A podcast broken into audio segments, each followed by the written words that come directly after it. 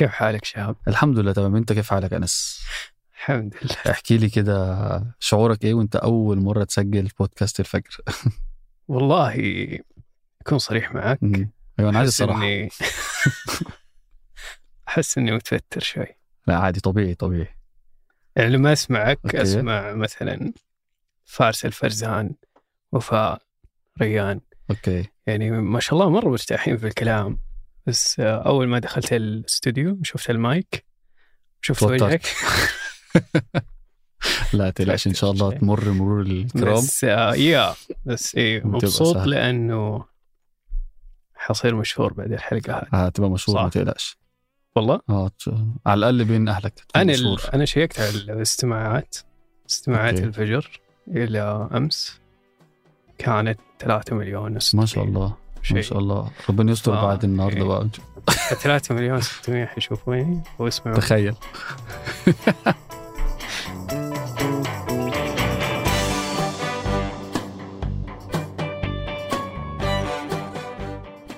ده بودكاست الفجر من ثمانية. بودكاست فجر كل يوم نسرد لكم فيه سياق الأخبار اللي تهمكم.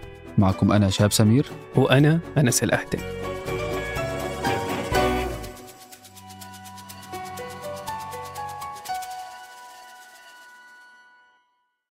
قهوة الصباح وأجود محاصيل البن المختص تلاقيها في خطوة جمل. اعرف أقرب فرع لك من الرابط في وصف الحلقة.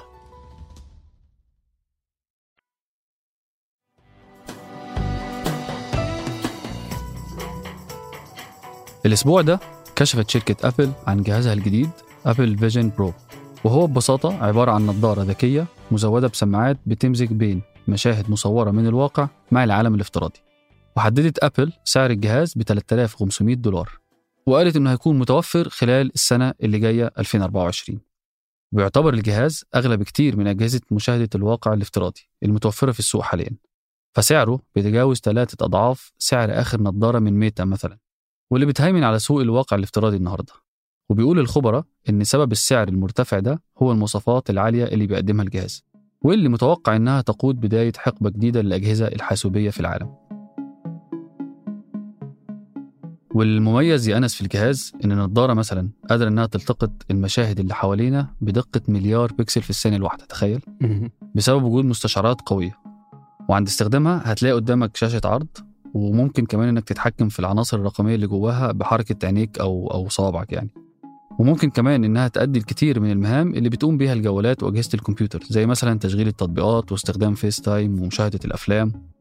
بس بدل ما تستخدم الماوس أو لوحة المفاتيح أو شاشة مثلا فنضارة Vision Pro ممكن تعمل بشكل مستقل وفي أي مكان بدون ما تحتاج إنك تربطها أو توصلها بجهاز كمبيوتر أو وحدة تحكم. وبتقول شركة أبل إن نضارة Vision Pro هي بداية انطلاق قوية لتقنيات الحوسبة المكانية.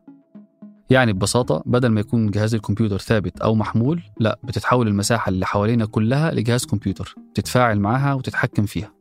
وبيختلط الواقع مع الافتراضي. فمرة تكون غرفة المعيشة اللي في البيت شاشة سينما مثلا عملاقة ومرة تانية تتحول لملعب كرة سلة. أو مكالمة جماعية تشوف أصدقائك فيها بحجم حقيقي وتسمع صوتهم وكأنهم قدامك. وكل اللي محتاجه بس إنك تلبس النضارة فين ما كنت. وغير طبعا إمكانيات التسلية الهائلة هتقودنا التقنية دي حسب كلام الخبراء لثورة في قطاع الأعمال والتسوق. وبدأت الكثير من الشركات تستخدمها فعلا.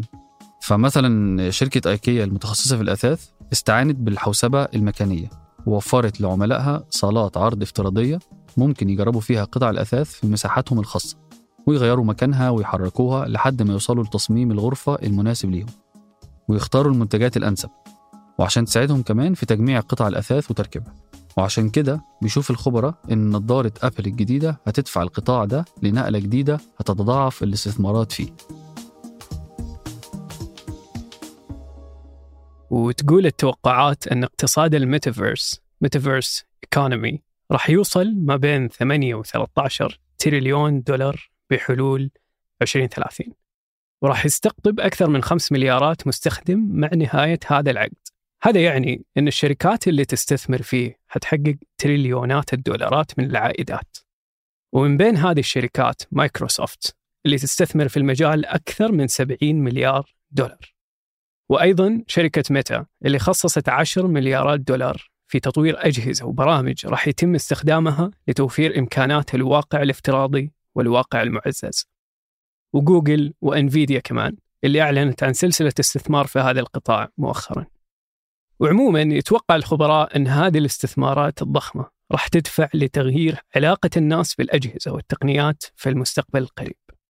فالسنوات السبع الجاية راح تشهد تغيير في علاقتنا باستخدام الأجهزة واللي حتتحول لعلاقة ثلاثية تجمع المستخدمين والأجهزة مع المكان والواقع اللي حولهم.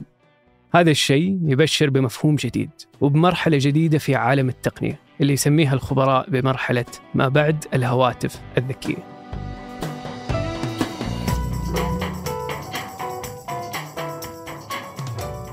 وقبل ما ننهي الحلقة دي توصيات لنهاية الأسبوع. في أحدث حلقات بودكاست فنجان على قناة إذاعة ثمانية استضفنا الصحفي مالك الروقي وتكلمنا عن كيف تعمل السياسة السعودية وتعمقنا أكثر في قراءة تحركاتها من 2015 وحتى اليوم. تتميز الحلقة بطرحها المختلف وربطها لأهم السياقات اللي أوصلتنا للمشهد السياسي العربي اليوم. ومن كتب السير الذاتية المميزة سيرة المترجم سامي الدروبي. بقلم زوجته إحسان الدروبي. الدروبي اشتهر بترجمته الفريدة لكتير من الأعمال الأدبية كان من أبرزها روايات دويستويفسكي. واللي بتذكر زوجته في الكتاب إزاي بدأ في ترجمتها. وأيضا بتستعرض جوانب مهمة أخرى في حياته زي كونه سفير ودكتور جامعي. وبتروي حكاية زواجهم وذكرياتهم العائلية وتجاربهم اللي كان أصعبها وفاة بنتهم سلمى. أما على قناة وثائقيات ثمانية بياخدنا رجل الدكان الأخير أبو ضيف في أجدد أفلام فلان. بجولة لدكاكين محافظة مرات القديمة. وبيروي لنا خلالها أهمية التراث والاختلافات الجوهرية بين تجار اليوم والأمس.